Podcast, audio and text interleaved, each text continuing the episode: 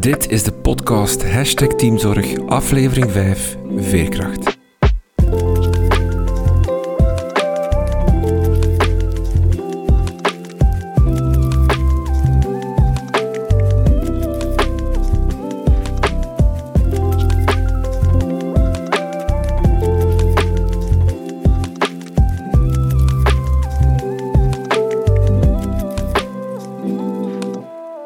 Op de RISO Zorgkrachtschool in Kortrijk willen ze op een talentgerichte manier omgaan met de medewerkers. Want iedereen is meer dan enkel leerkracht. Ze willen de talenten van alle teamleden in kaart brengen en binnen de teams bespreekbaar maken. RISO maakt daarom gebruik van talentenfluisteraars. Zij zullen aan de hand van een teamtool de talenten binnen het team zichtbaar maken. Elke medewerker krijgt ook de kans om een individueel talentgesprek te voeren met een opgeleide talentenfluisteraar. Zo kan het HR-beleid nog meer toegepast worden op de talenten van alle medewerkers. Door teamleden een rol te laten opnemen die aansluit bij hun talenten, willen ze zo zorgen voor meer energie en werkplezier bij alle teamleden.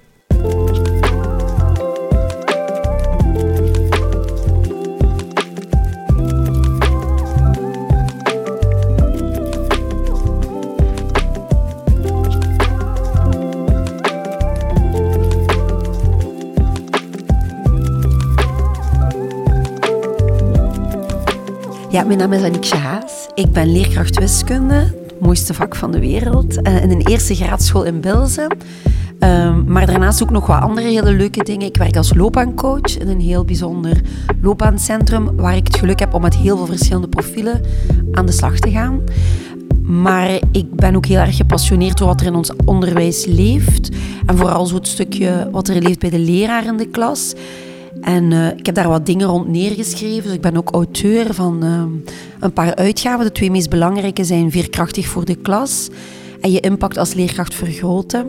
En ik heb ook meegewerkt met de leuke bijdrage Teamzorg is zelfzorg. Heb ik samen met mijn co-auteur uh, Lisbeth Moortgat ook een artikel geschreven over hoe je aan een welzijnsbeleid kan gaan werken op school. Scholen staan onder druk. Denk maar aan de coronapandemie, waarbij scholen snel moesten inspelen op nieuwe noden en verwachtingen. Aanhoudende chronische stress eist dan ook zijn tol. Het verhoogt het risico op mentale overbelasting, ziekteverzuim en burn-out. Om blijvend een beroep te kunnen doen op de aanwezige veerkracht van een schoolteam is er systematische aandacht nodig voor het psychosociaal welbevinden van elke werknemer op school. Daarom moet een school overtuigd inzetten op veerkrachtontwikkeling.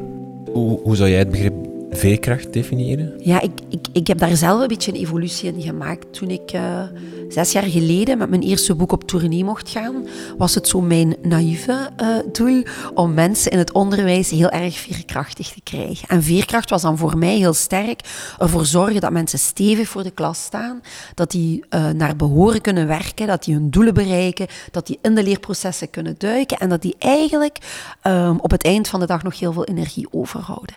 Ondertussen ben ik daar een beetje van afgestapt, omdat ook weer die utopie is van dat je dat stressstukje meeneemt in je klas. En tegenwoordig gebruik ik heel sterk het beeld, komt ook altijd binnen in trainingen, van een tuimelpop. Ken je dat? Zo'n zo'n tuimelpop met zo'n rond gat.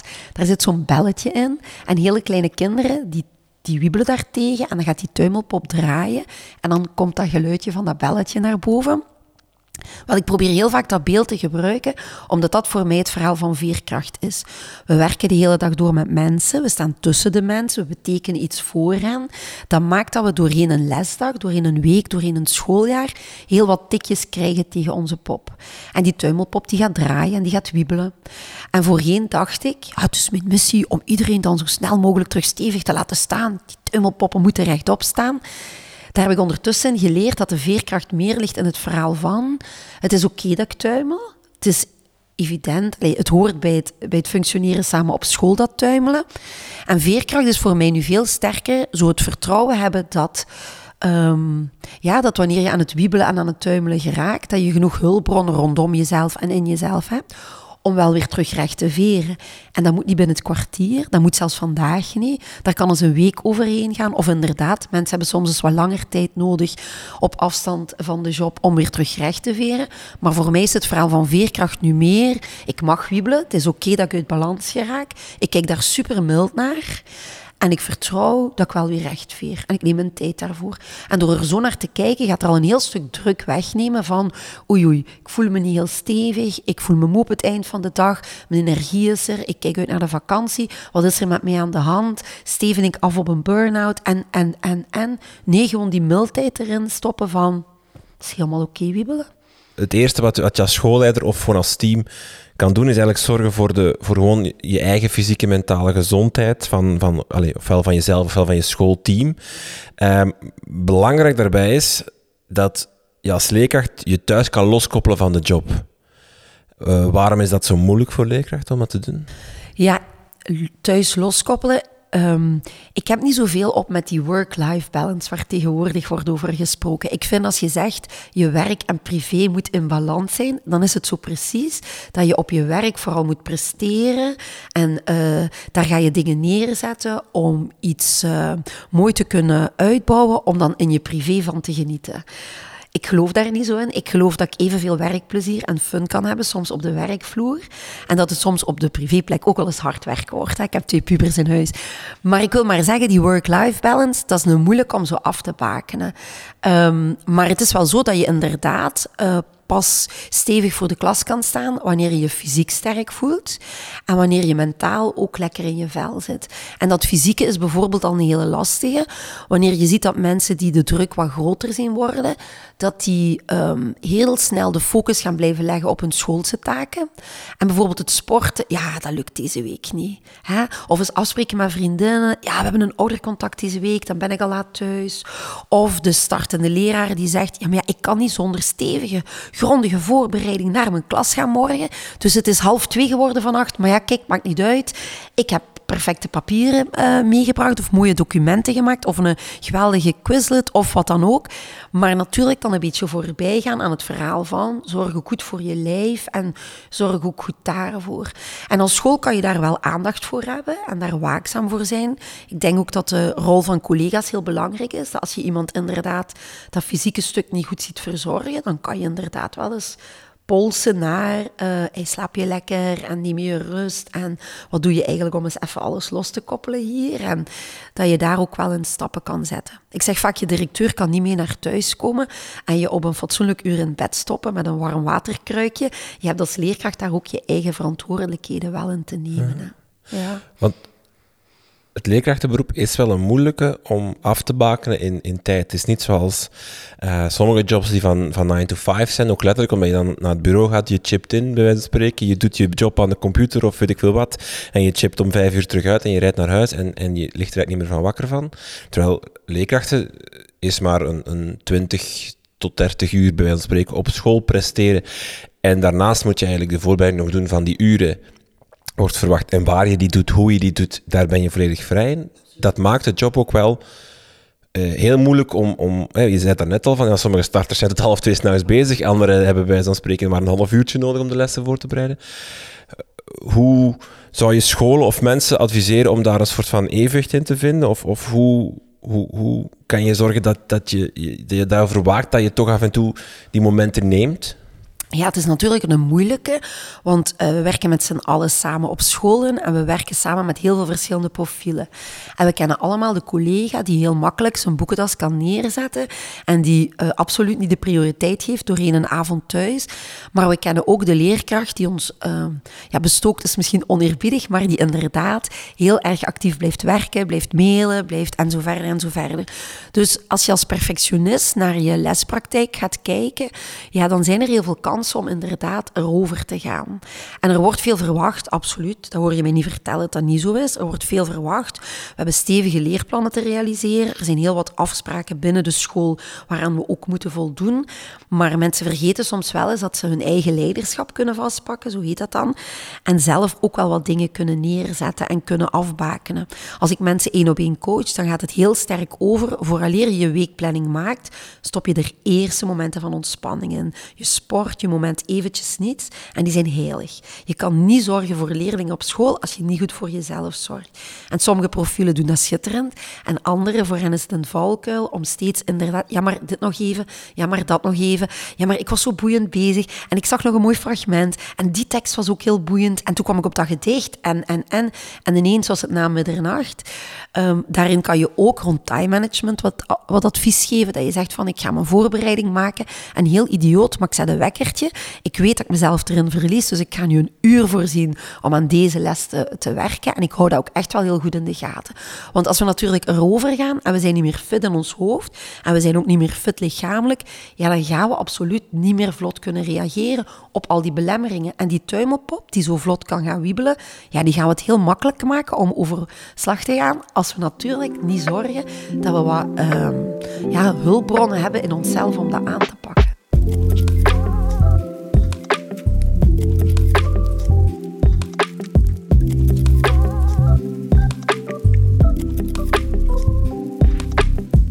Is gemakkelijk om te zeggen van mijn werk is het belangrijkste. In de dingen die ik wil doen, met, met ontspanning erbij, met, met eens even uh, gaan sporten of gaan, gaan afspreken met vriendinnen, is het werk het belangrijkste. Het belangrijkste dat moet gebeuren, want dat is mijn job, daar word ik op geëvalueerd, daar word ik voor betaald, dat is het belangrijkste.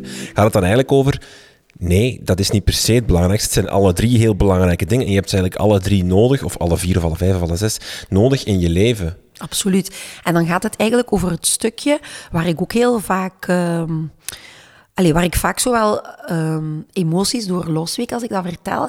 Want dan gaat het erover, ik ben Anikje Haas, ik ben leerkracht wiskunde. Hè? En ik ben bij mij ook op school uh, vakhoofd en ik ben coördinator en ik heb een heel aantal rollen op school op te nemen. Maar ik mag niet vergeten, ik ben ook een mama.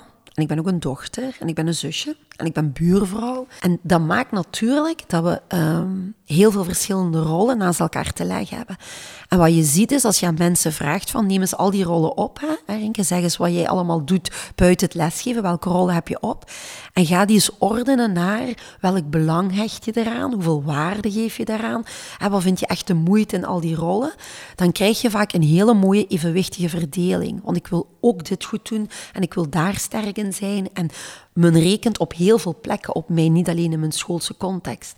Maar wat er dan gebeurt, is dat ik dan vraag van, pak nu eens een weekindeling erbij en ga nu eens, hè, al die rollen, ga die nu eens tijd geven van hoe je op een week omspringt met je tijd en die rollen. En dan zie je dat dat heel vaak heel scheef zit. Hè.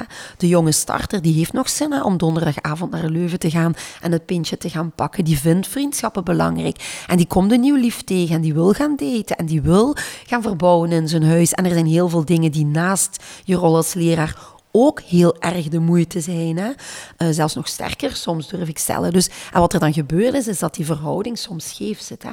Dat er heel veel tijd en moeite en energie en soms niet altijd tijd als zijnde van ik zit nu een les voor te bereiden, maar wel, ik zit s'avonds in de zetel, ik wil ontspannen naar een filmpje kijken, maar potverdorie, dat gesprek van die leerling, dat maalt nog in mijn hoofd. Dus ja, ik ben naar tv aan het kijken, maar eigenlijk zit ik hier al een beetje te piekeren. En dat maakt dat we zo heel moeilijk zo ons hoofd kunnen leegmaken. En dat ook wanneer we in die andere rollen zitten, dat het gevaar erin zit dat we ook nog die lerarenrol opnemen. Uh, even de sprong naar teamzorg dan. Hoe kan je als schoolleider of als school of als schoolbestuur of als team hier aandacht aan besteden? Is dat letterlijk op een pedagogische studiedag durven zeggen, kijk, we gaan allemaal een keer opschrijven wat wij belangrijk, welke rollen we allemaal hebben En, en daarover praten met elkaar? Absoluut, waarom niet? Want wat is er doordat er zo weinig ruimte is voor zelfreflectie in de loop van een schooljaar, is er ook heel weinig ruimte om te reflecteren hierover met je collega's.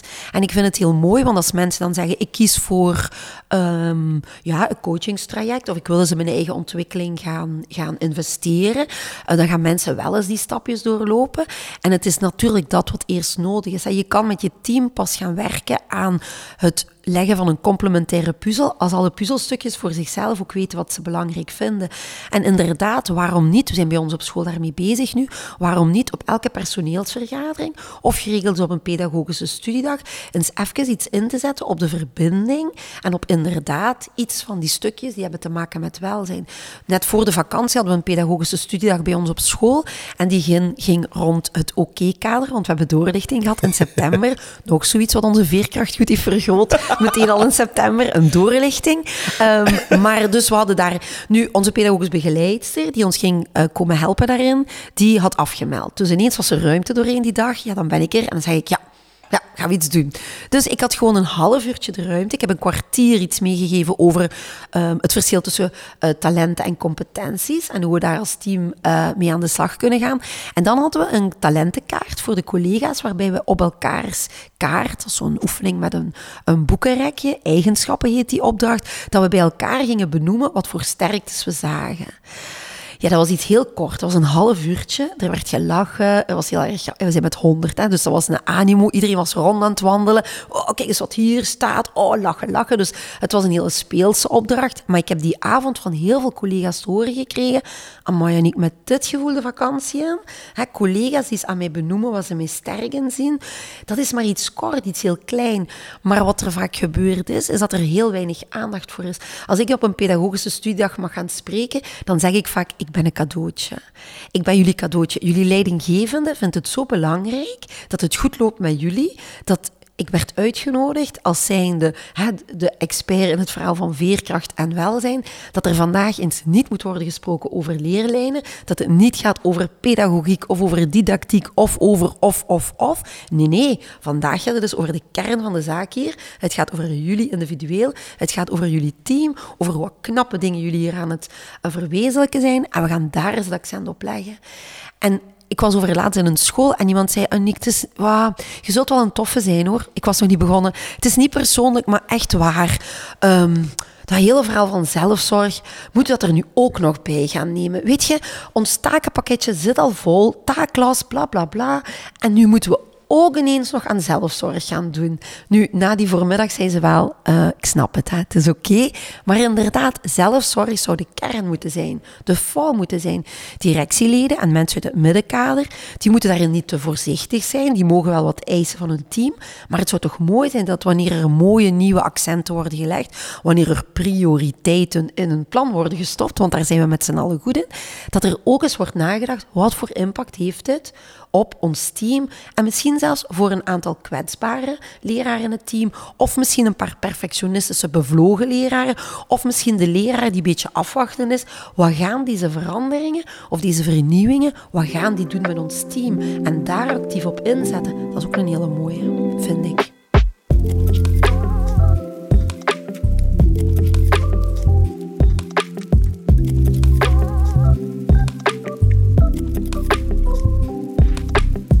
Leraren kunnen heel moeilijk hun eigen sterktes benoemen.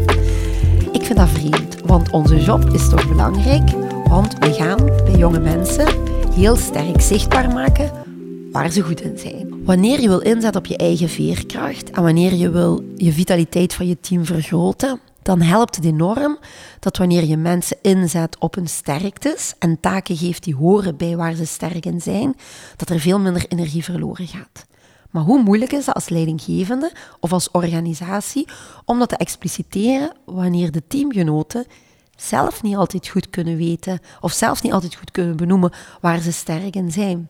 Dus aandacht scheppen, aandacht geven en ruimte scheppen um, voor dat verhaal rond talent en competenties, dat is een hele noodzakelijke. Um, onze eigen talenten die zijn niet altijd zichtbaar voor onszelf, omdat we die meedragen vanuit de kleuterklas. Ik vind het fijn om voor een groep leraren te staan. Ik geniet van de micro. Ik vind dat superleuk. Ik vond dat zelf niet altijd zo talent van, van mezelf. Ehm, mijn leerkracht, juffrouw Maria van de kleuterschool, die er nog altijd hetzelfde uitziet als 20 jaar geleden, 30 jaar geleden, misschien zelfs 40 jaar geleden ondertussen.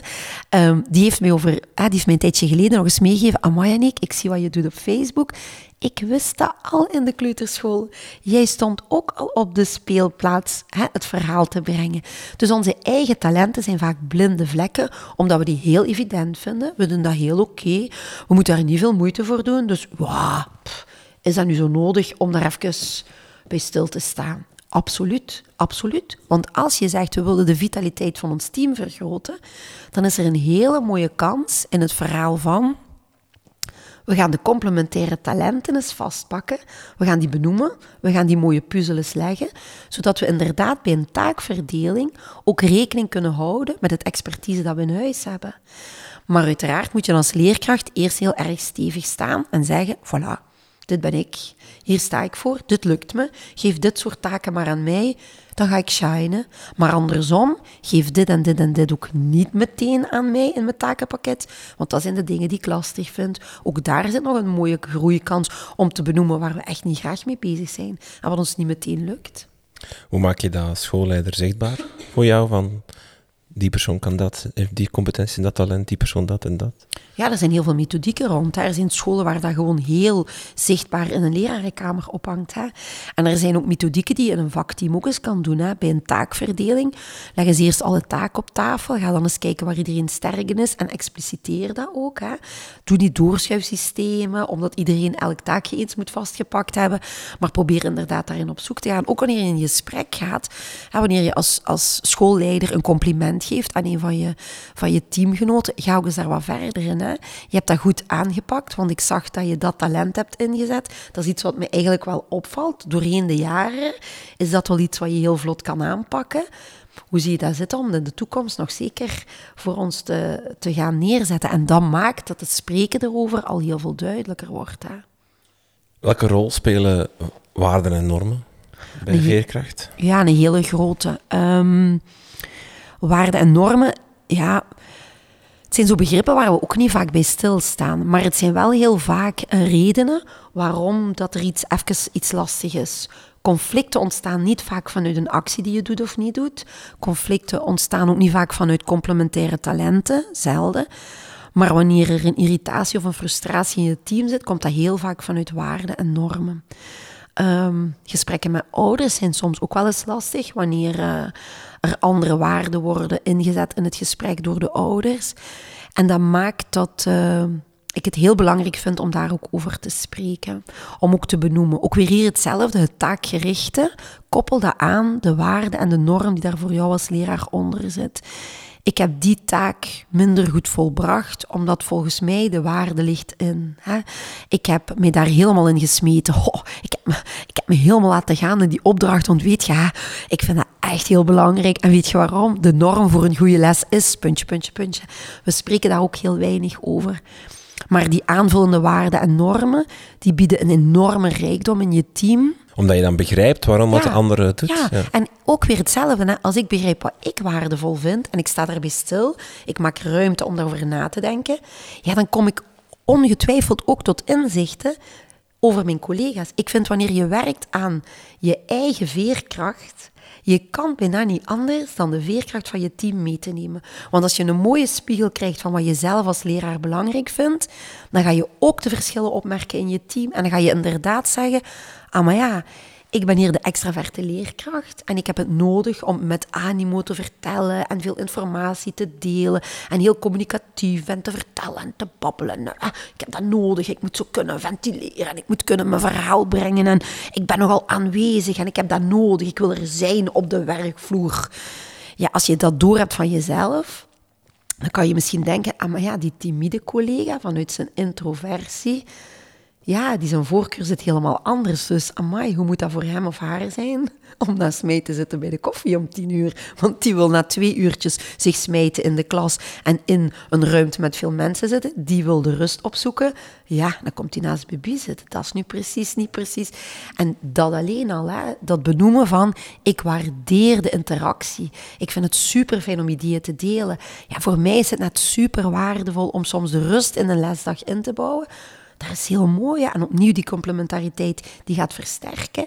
Maar je moet durven je eigen brilletje even aan de kant te zetten en met een hele open vizier naar je team te kijken. Het laatste wat eh, op zich heb je op bepaalde niveaus niet aan veerkracht kunnen werken of, of, werk, of, of in kaart gebracht. Dan heb je eh, wat jij in het artikel of in, je hoofdstuk om, omschrijft als werkomstandigheden. Um, hoe, hoe, hoe definieer je dat? Ja, werkomstandigheden heeft eigenlijk alles te maken met, um, Ja, het verhaal van vitaliteit, want het kader waar je naar verwijst komt uit Schoolvol Vitaliteit, waar we inderdaad, Lisbeth Moortjan en ik, vier verdiepingen hebben gebouwd. De onderste verdieping, de gelijkvloers, daar begint het mee. Dat is een verhaal waar we gestart zijn daar straks met onze mentale en fysieke uh, gezondheid. Daarop komt inderdaad een laag waarbij je zegt van heb wat aandacht voor de complementaire talenten en competenties in je team, om dan door te groeien of door te schakelen naar de derde verdieping van de waarden en de normen. En het gemeenschappelijke wat die alle drie hebben, die verdiepingen, dat is heel individueel. dat is heel persoonlijk voor elke leraar. Dat is ook heel moeilijk voor een leidinggevende om mensen aan te sturen, omdat we allemaal zo unieke wezens zijn. Dat is ook mooi, hè? dat is de rijkdom van ons onderwijs. Maar om met z'n allen onze veerkracht te gaan vergroten, maakt het dat niet zo heel evident. De laag die daar bovenop ligt, die dan ook pas komt, hè, we beginnen daar niet, dat is de vierde laag, dat is de bovenste laag, dat is inderdaad de laag van de schoolomstandigheden. En die zijn niet specifiek voor iedereen. Die zijn eigenlijk wat ons bindt in een schoolwerking. En dan kan je eens gaan kijken naar die context waarin ik werk. In hoeverre zitten daar energiegevers en ook energienemers? Bijvoorbeeld, ik werk in een schoolteam van 100. Ik vind dat heel fijn. Ik vind dat super fijn. Ik ben extravert. Ik vind dat leuk om veel verschillende types rondom mee te hebben. Dus mijn schoolteam, de grootte daarvan, de diversiteit erin, mijn collega's, ik vind dat top. Mijn collega's zijn energiegevers.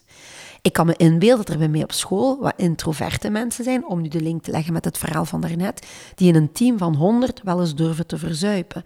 Dus we zijn hetzelfde schoolteam, de grootte van het lerarenteam geeft mij energie en gaat andere mensen energie kosten. En zo zijn er ook nog andere factoren. Je schooldomein, waar is dat gelegen? ik bedoel, iets heel idioot. Ligt er parkeerplaats heel kort bij? Of moet ik morgens mijn kinderen een uur eerder naar de opvang brengen om nog een plekje in het centrum van Antwerpen te kunnen bemachtigen? Dat zijn allemaal dingen die ook meespelen. Mijn opdracht, geef ik vakken die ik heel leuk vind? Is het volume van mijn opdracht heel leuk? Mijn publiek op school, heb ik gemotiveerde leerlingen? Mijn lokaal, ziet dat er mooi en uitnodigend uit? Zijn er middelen voor.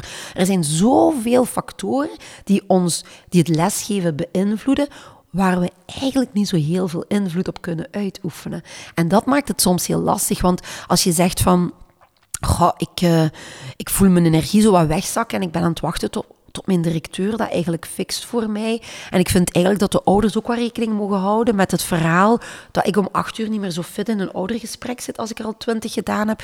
En weet je, die leerlingen die mogen eigenlijk ook wel eens beginnen met nadenken hoe het is om voor de klas te staan. Dan ga ik natuurlijk verwachten dat er vanuit dat externe verhaal wordt meegedacht om mijn veerkracht te vergroten. En voor een stuk kan dat. Maar er zijn ook altijd factoren in je job, in elke job, die je niet zomaar kan ombuigen. En daar eens naar durven kijken, dat gaat ook een heel stuk uh, impact hebben in het verhaal van, ja, wat kan ik hier verwachten en waar kan ik hier hulp vragen en wat kan ik gewoon soms beter gewoon laten zijn en waar moet ik mild naar kijken en parkeren. Het heeft geen zin om je te blijven uh, opjagen aan factoren waar je niks mee kan. Bedoel je dan dat je bijvoorbeeld je kan voelen dat je niet niet goed in je vel zit, dat, dat, je, dat je onder stress staat. Dat je eigenlijk eens kijkt naar wat zijn hier die werkomstandigheden, wat geeft mij eigenlijk die stress? Ah, het is misschien gewoon het feit dat ik elke morgen een kwartier moet zoeken naar parking voordat ik die school maar binnen kan. En dat je dat dan ofwel probeert op te lossen of daar inderdaad een soort van mildheid naar jezelf te hebben van ja, oké, ik weet dat, ik ga ik ga, dat kwartier duren, ik ga er stress op hebben, maar ik ga dan binnenkomen en een koffietje drinken en even, en ik ga dan misschien drie minuten later aan mijn les beginnen, maar dan ben ik wel wat rustiger. Absoluut. en, het is, ja, en het is een beetje eigen aan mensen. Ook als ze bij mij komen als loopbaancoach, dan zeggen ze, ja, Aniek, luister hier, moet je horen. En dan komt er een bloemlezing van allemaal factoren die heel veel energie kosten. En wanneer ik dan met mensen aan de slag ga, dan probeer ik ook heel mooi vast te pakken wat er wel nog heel goed zit. Ja, maar ja, dat is evident, hè. Ja, ja, dat zit goed. Nu, nu, mijn collega's, dat zijn toppertjes. Ja, nee, nee, die klas als een hele toffe, maar die parkingsmorgens. En dat is wat er gebeurt. We gaan heel erg onze aandacht richten, allemaal hoor, naar de dingen die moeilijk lopen, die energie kosten, die ons doen tuimelen. Maar de oplossing om die veerkracht te vergroten, die zit net niet in die factoren die ons zoveel energie kosten. Ik kan mijn veerkracht net vergroten door die energiegevende dingetjes doorheen een werkdag. En het, het gaat dan niet over naïef zijn en dingen onder de mat vegen en zeggen van, wauw, het loopt moeilijk met uh, mijn collega, maar weet je, ik geef er geen... Zo werkt het ook niet. Maar wel een open vizier hebben en naar alle jobelementen kijken, ook degene die energie geven, dat maakt wel dat je voldoende afstand hebt om met de moeilijkheden wel aan de slag te kunnen. Want als je je blijft vastklampen aan de lastigheden, ja, dan is het heel moeilijk om daaruit te geraken. Ja. Welke rol kan de schoolleider daarin spelen? Ja, een school kan ook gesprekken openen. Hè. Als directeur, als leidinggevende, als middenkader of als collega is het ook heel makkelijk om mee in het verhaal te stappen van de persoon die komt vertellen wat er moeilijk loopt. En zeker daar respect voor hebben en dat zeker niet eh, kleiner maken of zeker je collega niet gaan betuttelen. Je mag gerust ook hier herkenning en erkenning geven. Dat is een hele mooie in het verhaal hier ook. Begrijpen dat het gebrek aan parking Absoluut. Is. Ja, ja, dat is nu één iets. Maar ook begrijpen dat als introvert in een grote ruimte met honderd mensen, dat ook wel eens energie kan vragen. Dus daarvoor begrip hebben, dat is absoluut heel goed. Maar probeer dan inderdaad ook eens in een gesprek te hebben over dat straf dat dat gebeurt en dat je hier toch elke dag bent. Wat maakt dan dat je hier zo monter met je leerlingen werkt, dat je hoor lachen met je studenten, dat je zie um, hè, tranen met tuiten lachen uh, bij de koffie, dan moeten hier toch heel veel leuke energiegevers zitten. Ook expliceer die eens, pak die er eens bij, wat maakt dat het leuk is en benoem die ook, maak die ook visueel. Hang een toffe gekke foto in de leraarkamer, hang talentenkaartjes op, hang mooie ervaringen met je team op, maak dat ook zichtbaar, zodanig dat je eigenlijk ook kan zien dat daar een hele mooie winst in zit en dat je daardoor met belemmeringen om kan gaan. Er bestaat geen enkele job die je 10 op 10 geeft. In elke job zijn er energievreters, noemt dat dan, die zijn er. Maar als het overweegt nog, allez, als, het, e- als het nog altijd meer energiegevertjes zijn door een dag dan die nemers, hm. ja, dan is het haalbaar hoor. Want er, ik denk dat er ook veel mensen zouden zijn die zouden zeggen van wat moet de school doen? Dat probleem oplossen parking gaan voorzien. Of uh, een stille ruimte voorzien voor die. Eh, dat, maar dat is ook een eindeloos straatje, denk ik. Ja, maar er zijn dingen die je wel kan doen. Ik pleit nu ook er niet voor dat je als leidinggevende geen enkele verantwoordelijkheid hebt. Mijn pleidooi vandaag gaat meer over de gedeelde verantwoordelijkheid. als je je eigen veerkracht of de vitaliteit van je team wil vergroten, dan heb je als leidinggevende een aantal dingen te doen, aandacht te geven aan bepaalde jobelementen en heel goed je antennes open houden en kijken wat je team nodig heeft. Maar er zit ook een stukje verantwoordelijkheid bij de leraar zelf. En dat is inderdaad aan zelfreflectie doen en een aantal dingen expliciteren en ook durven benoemen en ook durven uit te spreken, waardoor er wat meer begrip en wat meer mildheid kan ontstaan. Want ik denk dat dat net veerkracht is, dat je, dat je kan omgaan met belemmeringen. Dat je niet blijft wachten, blokkerend, tot de, de, de, de leider, de schoolleider, de belemmering heeft weggenomen. Want dat, zal, dat, dat kan voor een deel, maar dat zal niet voor alles gaan. Hè? Die parking, als dat in een, ja, in een uh, dorp is, zal er geen parking gelegd kunnen worden, om bij dat, ene voorbeeld te blijven. Hè? Ja, ja, dat is ook zo. Hè. En dat is ook een utopie, maar inderdaad zitten wachten tot iemand anders. In mijn eerste boek heb ik heel veel vogels gebruikt als beelden. Hè. Ik ben nogal beeldend, dus ik heb met heel veel vogels gewerkt. Die tuimelpop is trouwens een pinguïn, als je hem eens wilt opzoeken.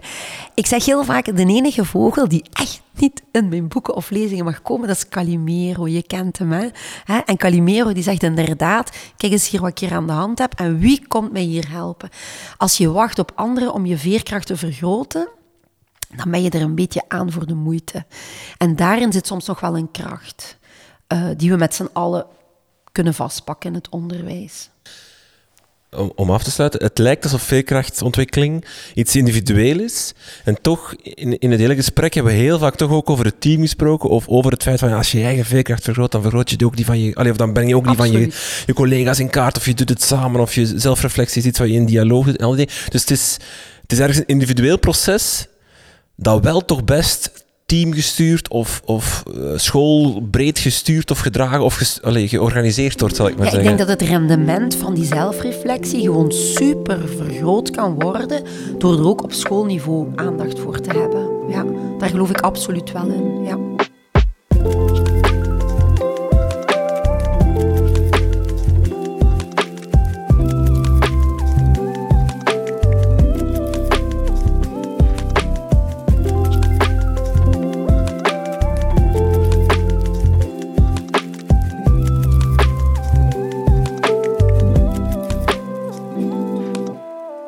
Deze podcast werd gemaakt in samenwerking met Veranderwijs en de Koning Boudewijn Stichting. In zes afleveringen proberen we scholen handvaten te bezorgen om aan teamzorg te doen. Voor deze podcast werd het boek Teamzorg is zelfzorg gebruikt als leidraad. In het boek geven verschillende experts hun invulling aan het begrip teamzorg. De redactie van het boek werd gedaan door Anne Martin en Geertrui de Ruiter. Je vindt een link naar het boek in de show notes van deze podcast. Meer info vind je op www.veranderwijs.nu of www.dekrijtlijnen.be.